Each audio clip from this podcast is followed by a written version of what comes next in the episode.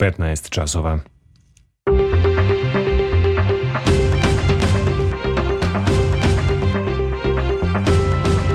Radio Novi Sad. Novosti.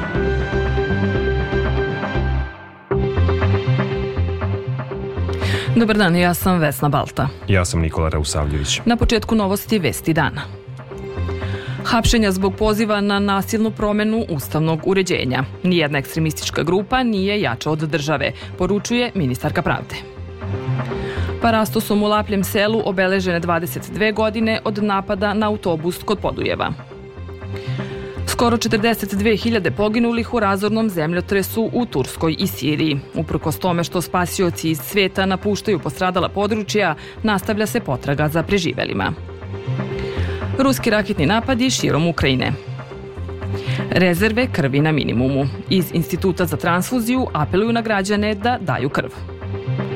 U Vojvodini sutra ujutru slab mraz, preko dana sunčano i toplo. Temperatura do 15 stepeni. U Novom Sadu sada je 12.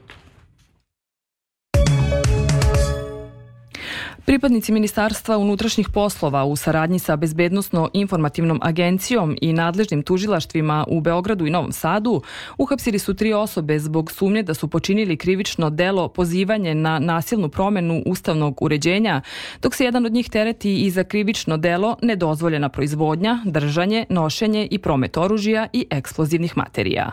Trojica uhapšenih terete se da su pozivali građane da se okupe u Beogradu i da nasilno sruše vladu i predsjednika Republike. Još dve osobe su uhapšene zbog sumnje da su počinili krivično delo nedozvoljena proizvodnja, držanje, nošenje i promet oružja i eksplozivnih materija. Osumnjičenima je određeno zadržavanje do 48 časova i oni će uz krivičnu prijavu biti privedeni nadležnim tužilaštvima. Država je ne samo spremna da se odupre nasilju, nego će reagovati veoma efikasno, brzo, ozbiljno i veoma odgovorno, poručuje predsjednik Aleksandar Vučić koji se sastao sa čelnicima MUPA i bezbednostnih agencija nakon pretnji upućenih sinoć na protestu ispred predsjedništva. Nisu ovo nikakve neformalne ekstremističke grupe, one su podržane od najmanje četiri parlamentarne političke stranke i njihovi predstavnici i predsednici su bili na ovom skupu. Dakle, da se niko ne pravi naivan. Nije ovo bilo, našli se neki slučajno i nisu baš znali tačno šta rade, znali su. I sve je bilo planirano kao što nije planirano neko kratko vreme. Stvari su u potpunosti pod kontrolom nadležnih državnih organa i bit će uvek. I ljudi zato treba da budu spokojni, da budu mirni, oni imaju svoju državu. I država će da brine o tome. I neće dozvoliti bilo kojim nasilnicima, bilo kojim ekstremistima, uz makakvu političku i bilo koju drugu zaštitu s polja, bilo sa koje strane, zapada ili istoka, da ugrožavaju integritet i ustavni poredak Srbije. Ministarka pravde Maja Popović povodom jučerašnjih nasilnih protesta ispred predsjedništva poručila je da je Srbija jaka i stabilna država, sposobna da spreči svaki ekstremizam i sačuva svoj integritet i ustavni poredak. Ministar unutrašnjih poslova Bratislav Gašić izjavio je da MUP neće dozvoliti ni nasilnim pojedincima ni grupama da ugrožavaju ustavni poredak Republike Srbije, bezbednost, mir i sigurnost svih njenih građana. Ambasador Srbije u Sjedinjenim američkim državama Marko Đurić podržao je predsjednika Srbije Aleksandra Vučića nakon skupova u Beogradu i podržao vrednosti kojima Srbija teži. Podpredsednik Srpske liste i predsednik opštine Štrpce Dalibor Jevtić ocenio je da su sa jučerašnjeg protesta u Prištini protiv zajednice srpskih opština i u Beogradu protiv predsednika Srbije Aleksandra Vučića poslate slične poruke. On je pružio punu podršku predsedniku Vučiću ističući da oni koji su juče protestovali ne misle dobro ni srpskom narodu ni Srbiji. Predsjednik Aleksandar Vučić razgovarao je sa predstavnicima kompanije Srbija Zijin Copper o brojnim pitanjima od obostranog interesa s posebnim osvrtom na projekte ubrzane eksploatacije dragocenih metala koji će dodatno osnažiti ekonomski razvoj Srbije i kako se navodi još više podići ceo istok naše zemlje. Vučić je razgovor ocenio kao odličan, a kako je objavio na društvenim mrežama, na sastanku su razmotreni i planovi za proširenje kapaciteta i dodatne investicije u sisteme za smanjenje smanjenje aerozagađenja. Time će rudnik Čukaru Peki postati jedan od lidera u zaštiti životne sredine u Srbiji, naveo je Vučić. Evropska banka za obnovu i razvoj ažurirala je prognoze regionalne ekonomske perspektive i za Srbiju je procenila da je rast BDP-a u 2022. godini bio 2,3%, a da će u ovoj godini biti 2%. Kako je saopšteno iz EBRD-a, time je smanjena procena rasta BDP-a Srbije u ovoj godini za 1,3% u odnosu na poslednji izveštaj iz septembra prošle godine. Slušajte novosti Radio Novog Sada. Na današnji dan pre 22 godine u napadu na autobus Niš Ekspresa u Livadicama kod Podujeva poginulo je 12 i povređeno 43 raseljenih Srba dok su išli u Gračanicu na zadušnice. Za zločin niko nije odgovarao. Pripremila Milica Stojanović. Parastosom u crkvi Svete Petke u Lapljem selu kod Gračanica obeležena je 22. godišnjica zločina u Livadicama kada je poginulo 12, a ranjeno 43 Srba. Za ovaj zločin niko nije odgovarao, a porodice stradalih gube nadu da će se to i kada i dogoditi, navodi Jelena Dragović, sestra stradale Mirjane. 22 godine smo tužni, još jednu godinu više nego prošle godine. 22 godine se pitamo zašto, za 22 godine se pitamo ko. 22 godine sa isti. Sad je sve uzaludno. Uzaludno je i nadati se, uzaludno je očekivati bilo šta. E, sve je moglo da se htelo, a nije se htelo.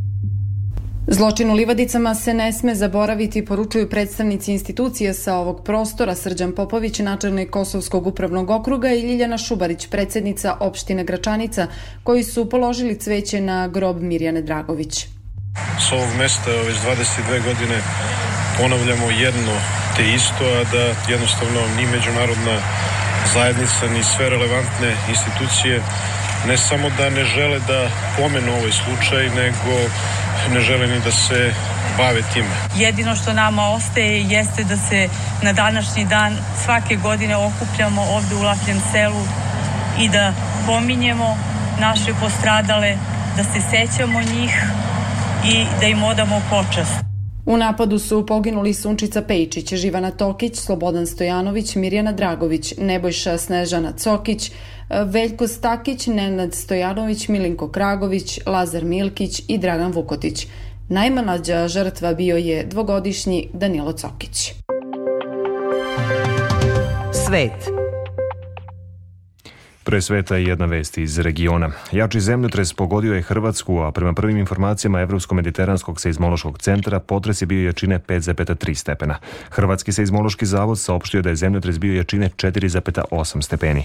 Kako javljaju tamošnji mediji, epicentar je bio 21 km južno od Crikvenice, blizu ostrva Krk, ali nema informacija o materijalnoj šteti.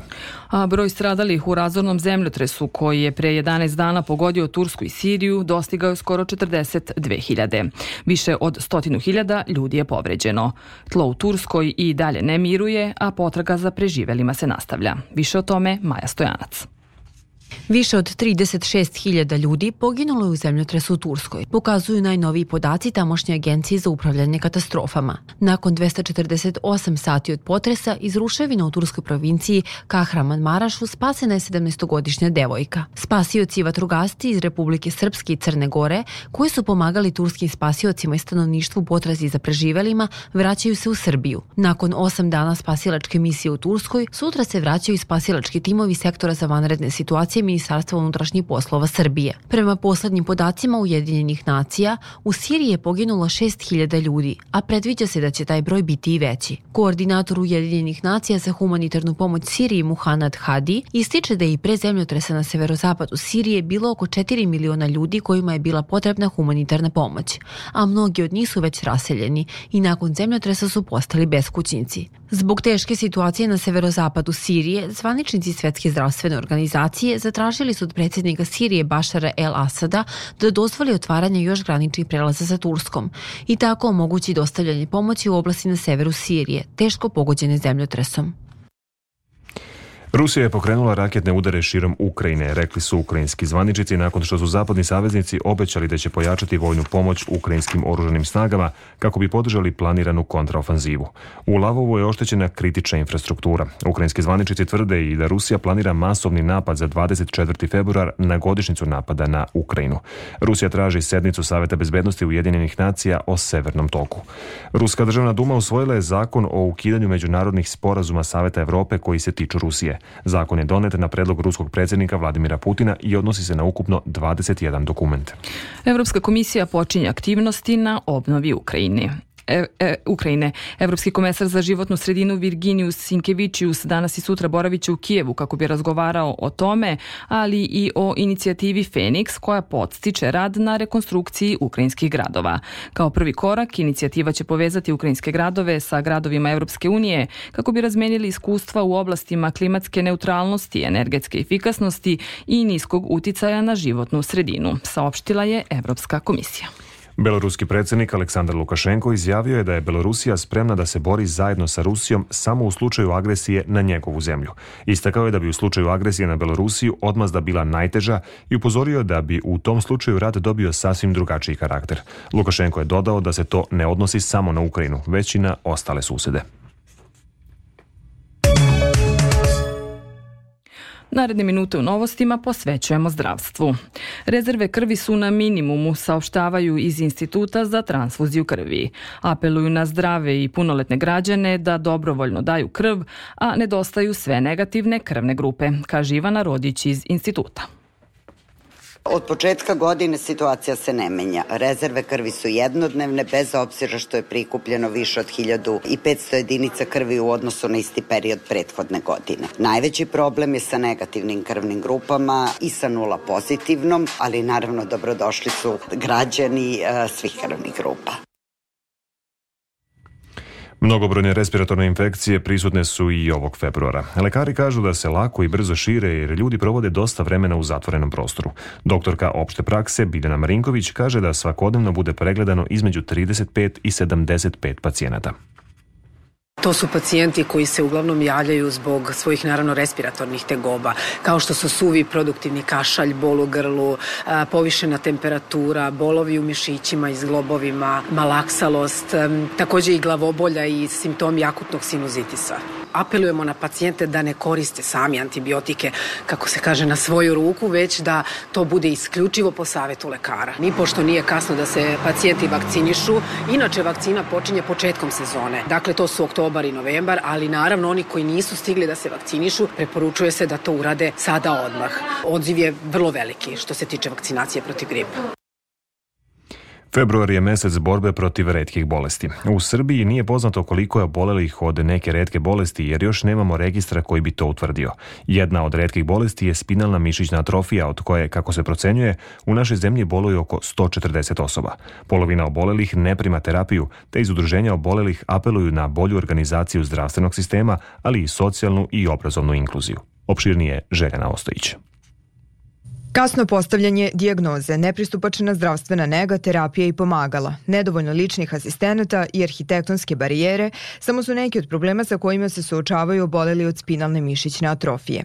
Lek ne postoji, naglašava Jovana Simonović iz Fonda za zdravstveno osiguranje, dodajući da je neonatalni skrining ključan kako bi se dobila terapija i pre prvih simptoma. Mi ćemo uvesti obavezan screening za SMA, to očekujemo znači ove godine nakon završetka ovog pilot projekta u Narodnom frontu i nakon toga će znači to biti moguće na teret RFZO ne samo Narodnom frontu nego i u svim drugim porodilištima. Birokratija ne sme da guši zdravstvo, kaže državni sekretar u Ministarstvu zdravlja Mirsad Đerlek i dodaje da je prioritet poboljšanje organizacije i funkcionisanje zdravstvenog sistema kako bi pacijenti što pre došli do lekara i potrebne terapije. Kako je najavio, u planu su i novi projekti.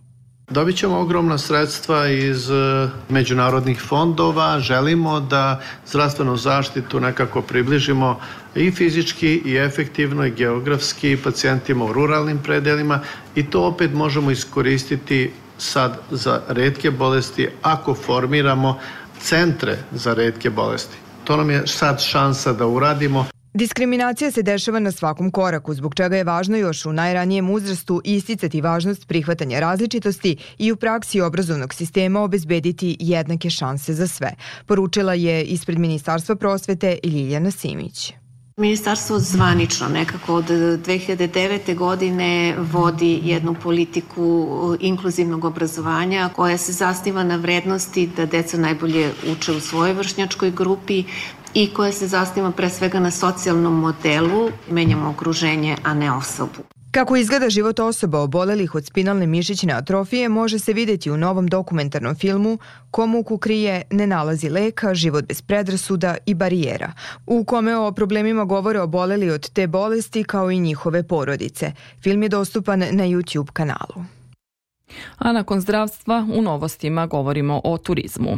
Više od pola miliona gostiju prošle godine posetilo je turistička mesta u Vojvodini. Iz Resornog pokrinjskog sekretarijata tvrde da je prethodna godina bila rekordna, da će ova biti bolja. Najavljuju da će kroz kampanju od klasike do magije, a to je Vojvodina, bogatstvo pokrajine biti predstavljeno ne samo domaćim, već i gostima u inostranstvu. Priču donosi Rada Stajić.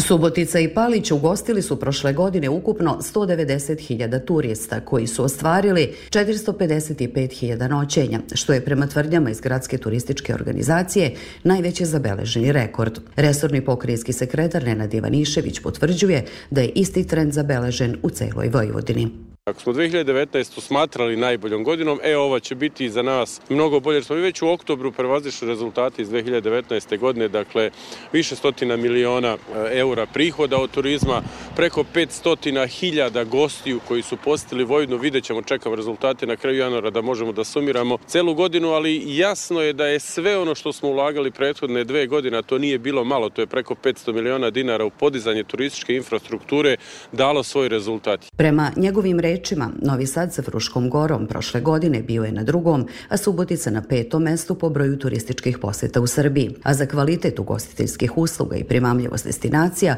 čak 36 njih ponelo je oznaku najbolje iz Vojvodine. Ove godine pokrinjski brendovi biće bolje predstavljeni u regionu, ali i širom sveta. Krećemo sa jednom kampanjom koja će se zvati od klasike do magije, a to je Vojvodina.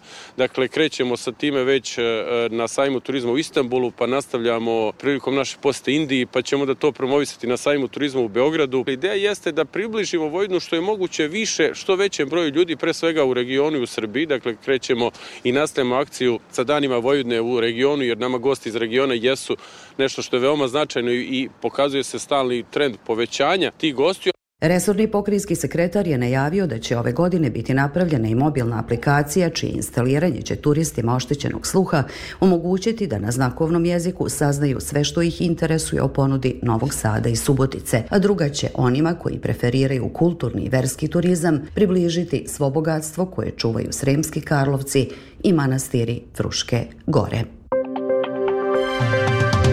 Kultura Matica Srpska slavi 197 godina postojanja. Večeras na svečanoj sednici istoričar umetnosti Igor Borozan govorit će o portretima Mihajla Obrenovića, a Miodragu Rajičeviću biće uručena Zmajeva nagrada za najbolju pesničku knjigu. Pojedinosti Tatjana Novčić-Matijević. Umetnost i propaganda, knez Mihajlo Obrenović i njegovo doba. Naziv je svečane besede istoričara umetnosti Igora Borozana, a povodom 200-godišnjice rođenja kneza.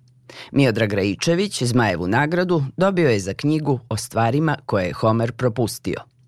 Ovogodišnji rođendan Matica slavi velikom novinom – osnivanjem omladinskog odbora, odnosno sistemskim otvaranjem ustanove za mlade istraživače, kaže predsednik Dragan Stanić. Da sistemski upravo otvori taj prostor da mladi budu mnogo prisutniji u matičenom programu rada nego što su to do sada bili. Mi nismo nezadovoljni ni onim što je ranije bilo, ali sada se otvara jedan veliki prostor da prosto mladi ljudi budu mnogo inicijativniji, da pokreću teme koje ih zanimaju, da se o tome ozbiljno raspravlja. Nova energija trebalo bi da instituciju snažnije poveže sa savremenim životom. Spoljni koraci su već učinjeni prisustvom matice na internetu i društvenim mrežama. Matica Srpska treće decenije 21. veka nije se odmakla od izvornih principa osnivača od pre 197 godina. Jačanje svesti o potrebi da se srpski narod u punoj meri uključi u savremene evropske tokove uz očuvanje nacionalnog i kulturnog identiteta i prosvećivanja naroda. Snažna izdavačka delatnost kojom se publikuju mnogi naučno-istraživački radovi, redovnost najstarijeg živog književnog časopisa Letopisa Matice Srpske i zbornika za određene naučne discipline, deo su već tradicionalno vidljivih aktivnosti naše najstarije kulturne i naučne ustanove.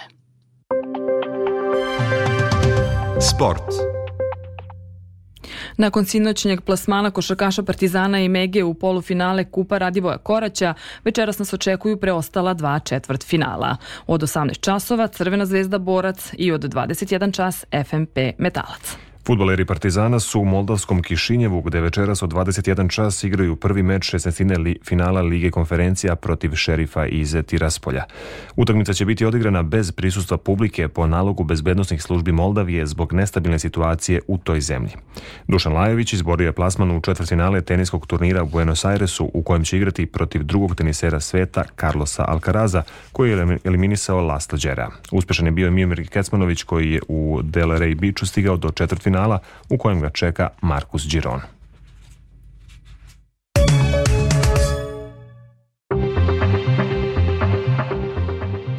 Pred kraj novosti još jednom vesti dana. Hapšenja zbog poziva na nasilnu promenu ustavnog uređenja. Nijedna ekstremistička grupa nije jača od države, poručuje ministarka pravde. Parasto su mu Lapljem selu obeležene 22 godine od napada na autobus kod Podujeva. Skoro 42.000 poginulih u razornom zemljotresu u Turskoj i Siriji.